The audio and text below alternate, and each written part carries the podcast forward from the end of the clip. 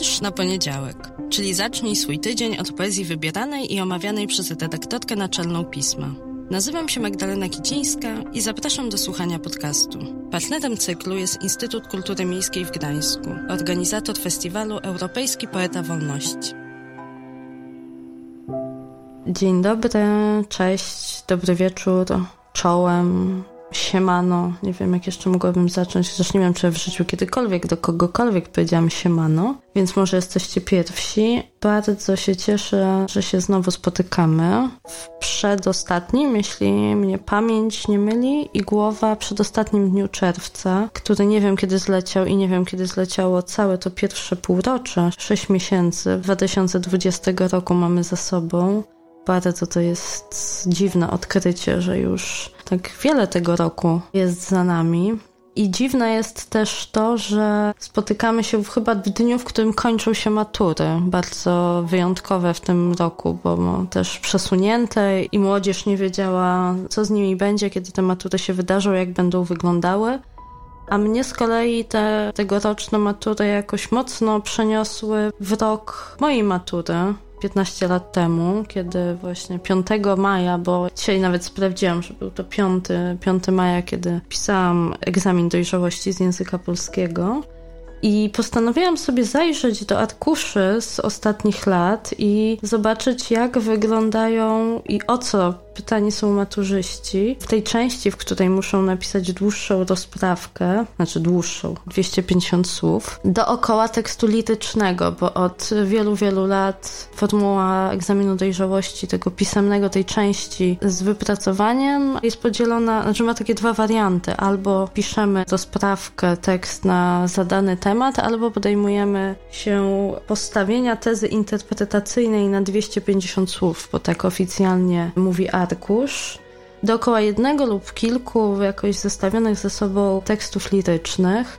Ja odgrzebałam, bo pamiętałam, że pisałam maturę rozszerzoną z polskiego dookoła Wietrza Różewicza, dookoła Ocalonego, ale jak się dzisiaj okazało, wypadłam, że temat mojej matury brzmiał Analiza i interpretacja wiersza Różewicza Ocalony i wiersza Józefa Barana Mam 25 lat. Miałam tutaj, jak mówił Arkusz, porównać kreacje doświadczeń pokoleniowych i egzystencjalnych obu poetów zapisane w tych wierszach Zupełnie zapomniałam o części z wietrzem Józefa Barana, więc z dużą przyjemnością ten wietrz dzisiaj odczytałam. Zupełnie nie pamiętam, jaką tezę interpretacyjną postawiłam. Pamiętam, że na szczęście ten tekst został dobrze oceniony przez egzaminatora bądź egzaminatorkę gdzieś w Centralnej Komisji Egzaminacyjnej zasiadającej albo zasiadającego.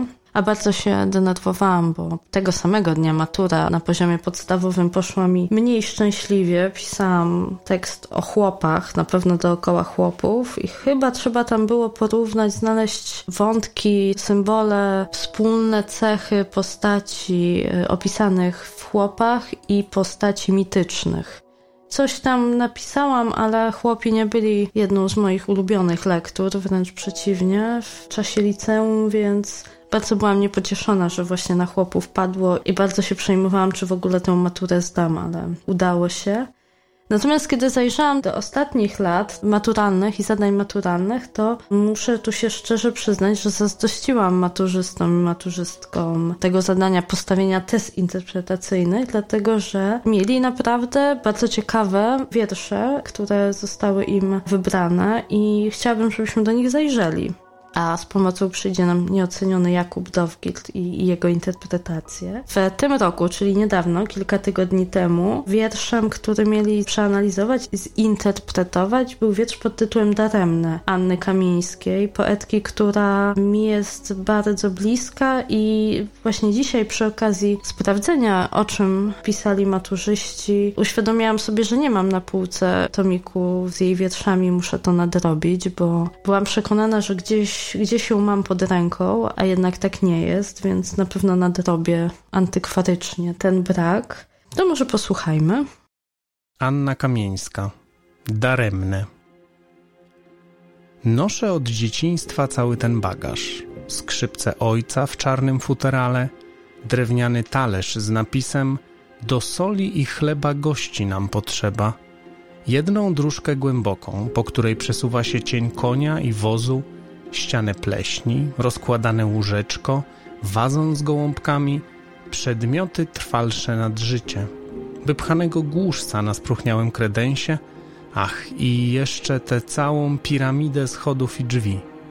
To nie lekko dźwigać tyle rupieci, a wiem, że do końca nie pozbędę się ani jednego, aż przyjdzie mądra moja matka, przyjdzie znikąd donikąd i powie: Złóż to wszystko, co ruchno, to nie ma sensu.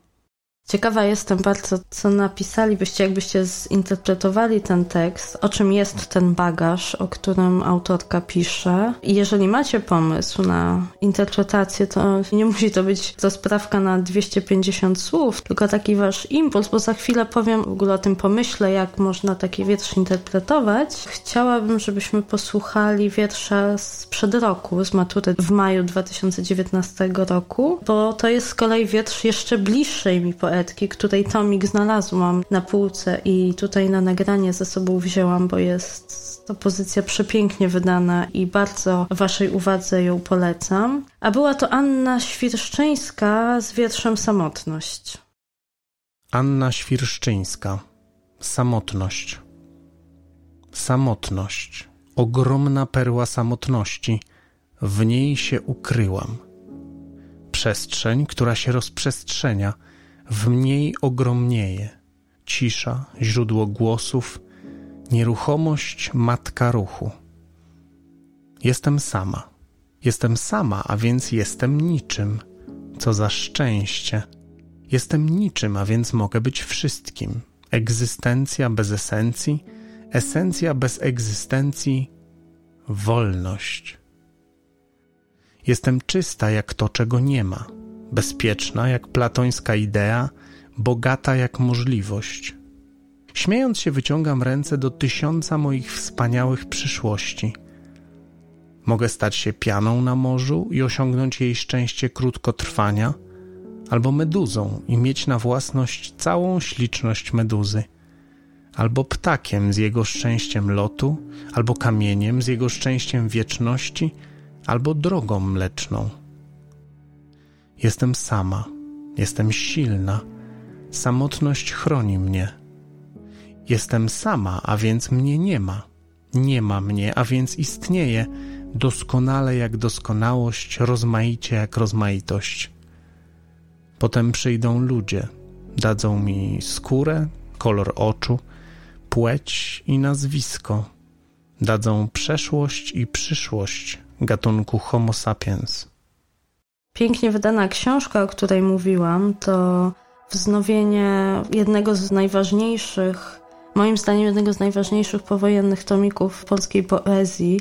Budowałam barykadę Anny Świerszczyńskiej, wydany przez Instytut Badań Literackich ze świetną, ciekawą przedmową autorstwa Anny Nasiłowskiej, która umieszcza w tym eseju Świerszczyńską właśnie w tym miejscu, w tym bardzo ważnym miejscu dla powojennej polskiej poezji i tłumaczy w kilku słowach, oczywiście to jest temat na dużo większy tekst, dlaczego jej poezja jest tak istotna, ale chciałabym przeczytać fragment, który tutaj wydaje mi się, że stanowić może motto, taki wstęp przed wstępem w tej książce, tuż przy fotografii młodej dziewczyny gdzieś w jakimś jasnym chyba płaszczu albo marynarce z opaską, którą zgarnęła włosy nad czołem. To jest fragment listu świeszczyńskiej do Jarosława Iwaszkiewicza z końca 1944 roku. Świat jest piękny i pięknie jest, gdy człowiek tak mocno się boi, tak mocno jest głodny i tęskni. Pan nie uwierzy, jak tam pod kulami w Warszawie wieczorem, kiedy przebiegałam ulicę na nocny dyżur do szpitala, brała mnie szalona radość, że żyję. Byłam jak pijana, śpiewałam i nagle brzęk? Koło głowy kulka w mur, o dwa cale od skroni. Jakie to ciekawe, miłość, zdrada, śmierć i życie, żyć tak mocno i tak mocno odczuwać śmierć. Naprawdę można się tym upoić jak winem.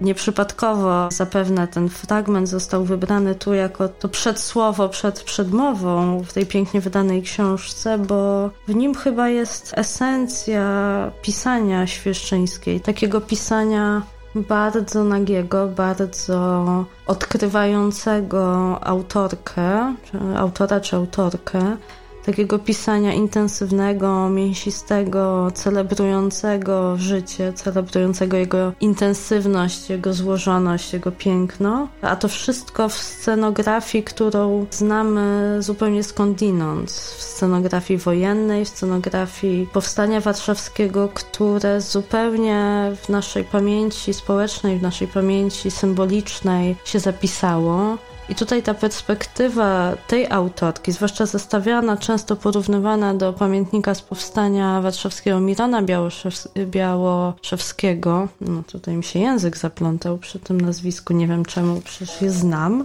zestawiana właśnie z pamiętnikiem, książka Budowałam barykadę, trochę ten mit i ten patos i ten spisz i tę jednowarstwową narrację o powstaniu warszawskim rozbijają, ale dla mnie osobiście to nawet nie ta część, chociaż też bardzo mi bliska, ta, ta, ta krytyczna, ta cywilna, ta do bólu szczera perspektywa jest bardzo ważna, ale nawet nie to jest dla mnie w pisaniu Świerszczyńskiej tak pociągające, chociaż to dosyć dziwne słowo, ale myślę, że akurat do tej poetki pasuje, więc pociągające w jej twórczości to jest takie pisanie z brzucha, w innym tekście, w innym tomiku Jestem babą, to pisanie z brzucha, czasami wręcz dosłownie pojawia się, jest y, odbite w tekstach. Natomiast wydaje mi się, że ona wprowadziła coś do tej polskiej poezji, co zupełnie przewróciło pojęcie kanonu, co zupełnie też pokazało, że parafrazując hasło pewnej partii politycznej, inna poetyka jest możliwa, że pisanie przez kobietę nie, nie musi być melancholijne, nie musi być sentymentalne, nie musi być o miłości, zwłaszcza niespełnionej, że w ogóle sam termin poezja kobieca jest zupełnie nieprzystający do, do, do, do jej pisania, mimo że jest kobietą, więc poezja, którą tworzy, jest w tym sensie poezją kobiecą. Bardzo polecam sięgnięcie po jej twórczość. Ja tutaj widzę, że Właśnie mam kilka stron w tym tomiku zaznaczonych, a zwłaszcza ten konkretny, bo, bo rzeczywiście to jest jedno z piękniej wydanych zbiorów poezji, jakie ja w swoich zbiorach posiadam. Więc bardzo, bardzo polecam. Więc nawet taka, taka matura z języka polskiego może być o dziwo po latach inspirująca. Mnie właśnie otworzyła na takie poszukiwania. A te poszukiwania zamyka wie też sprzed dwóch lat. Matura maj 2018 roku. Ernest Bryl został wybrany przez twórców tego egzaminu z wierszem, który myślę sobie, że dzisiaj jest jeszcze bardziej aktualny niż kiedy powstał, a powstał wiele lat temu, bodajże w latach 70., ale może się mylę, więc jeżeli się mylę, to, to będzie etata, bo przyznam, że nie sprawdziłam tego dokładnie. Natomiast jest to jeden z takich wierszy, które trudnych momentach politycznych czytany nadaje tym wersom jeszcze większą moc i jeszcze większe robi, robi wrażenie na czytającym, na pewno na czytającej na mnie zrobi. Już sam tytuł Bądźmy dla siebie bliscy, bo nas rozdzielają jest takim tytułem, który już od pierwszych słów coś w głowie buduje, jakiś obraz. I to jest przejmujący wiersz I, i tak sobie myślę, że w tym czasie, w którym jesteśmy też sobie go warto przypomnieć i odbijając się od tej matury sprzed kilku lat i odbijając się też od tego, o czym chciałam powiedzieć dwa słowa, czyli o tej męce, w której tkwiliśmy często, chociaż nie wszyscy, bo niektórzy mieli szczęście robić to w szkole inaczej, ale wielu z nas jednak było mocno uwięzionych w tych schematach, jak się należy przygotować do interpretacji wiersza. Ja sobie zajrzałam na jedną ze stron i bardzo poważnych, nie jakichś takich z, ze ściągami czy z brykami, tylko w poważny sposób przygotowujący młodzież do analizowania wiersza na maturze. I to, co znalazłam tam, czyli takie 10 kroków na analizowanie wiersza, rozumiem, że to pomaga w zdaniu egzaminu, ale zupełnie wydało mi się odległe i absurdalne wobec tego, czym my się tu zajmujemy. Odległe od rozmawiania o poezji takim bardzo intuicyjnym formacie, to znaczy czytamy wiersze i coś one w nas robią albo nie. nie podkreślamy słów, które się powtarzają, tak jak zaleca klucz, nie szukamy i nie wypisujemy z boku odniesień do innych tworów kultury, tekstów kultury. Oczywiście pewnie niektóre w lekturze się pojawiają, ale nie szukamy między nimi na siłę połączeń, tylko robimy to no właśnie tak jak pisała Świdrzyńska trochę, robimy to ciałem, robimy to brzuchem, reagujemy na coś, coś nas ściska w środku albo nas nie ściska, pozostawia nas obojętnymi. To ja chyba taką metodę analizy, interpretacji wiersza bym chyba zalecała i proponowała i rekomendowała, a mam nadzieję, że niedługo też porozmawiamy o tym, jak poprzez czytanie wierszy możemy się uczyć empatii i wtedy stworzymy sobie może wspólnie taki nowy klucz interpretacyjny. A pozostawiamy maturzystom to już w przyszłym roku takie podejście bardzo mm, mechaniczne, wręcz miałam wrażenie, czytając ten bryk, że takie Excelowe podejście do rozpisywania wiersza na strofy, na linijki, na podliczanie tego, ile jakich słów się w nim znajduje i co mógł poeta czy poetka chcieć przez to przekazać. A zachęcam do, do czytania wierszy w skupieniu i w jakimś takim momencie dnia, w którym możemy sobie chwilę z nim pobyć i, i coś może dzięki temu zrozumieć albo poczuć. Bo ja na przykład słuchając wiersza Ernesta Bryla poczułam się trochę lepiej w tym bardzo dziwnym czasie i też myślę, że dostałam od poety czy od podmiotu lirycznego jakąś wskazówkę w pewnej, może nie rozterce, ale jakimś takim napięciu, które się we mnie pojawiło.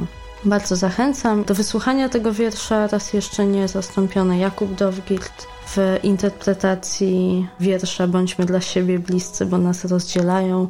A ja to hasło chcę powtarzać jakoś z świetnym hasłem na, na transparenty, a przede wszystkim takim hasłem na codzienność, na tu i teraz. Bardzo Wam dziękuję i, i z tym wierszem Was zostawię. Na początek drobna errata, zgodnie z zapowiedzią Magdy. Wiersz, który za chwilę przeczytam, jest datowany na 12 maja 1985 roku. Ernest Bryl.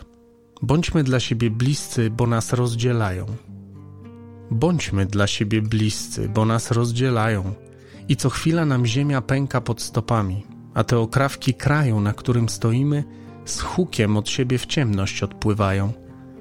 Bądźmy dla siebie bliscy, kiedy się boimy – gdy byle kamyk może poruszyć lawiny, bądźmy dla siebie bliscy, kiedy ciemne góry odpychają nas nagle swoim ciałem zimnym. Bądźmy dla siebie wierni, kiedy rosną mury, bo tyle w nas jest siebie, ile ciepła tego, które weźmiemy od kogoś drugiego, a drugi od nas weźmie i w sobie zatai. Bądźmy dla siebie bliscy, bo nas rozdzielają.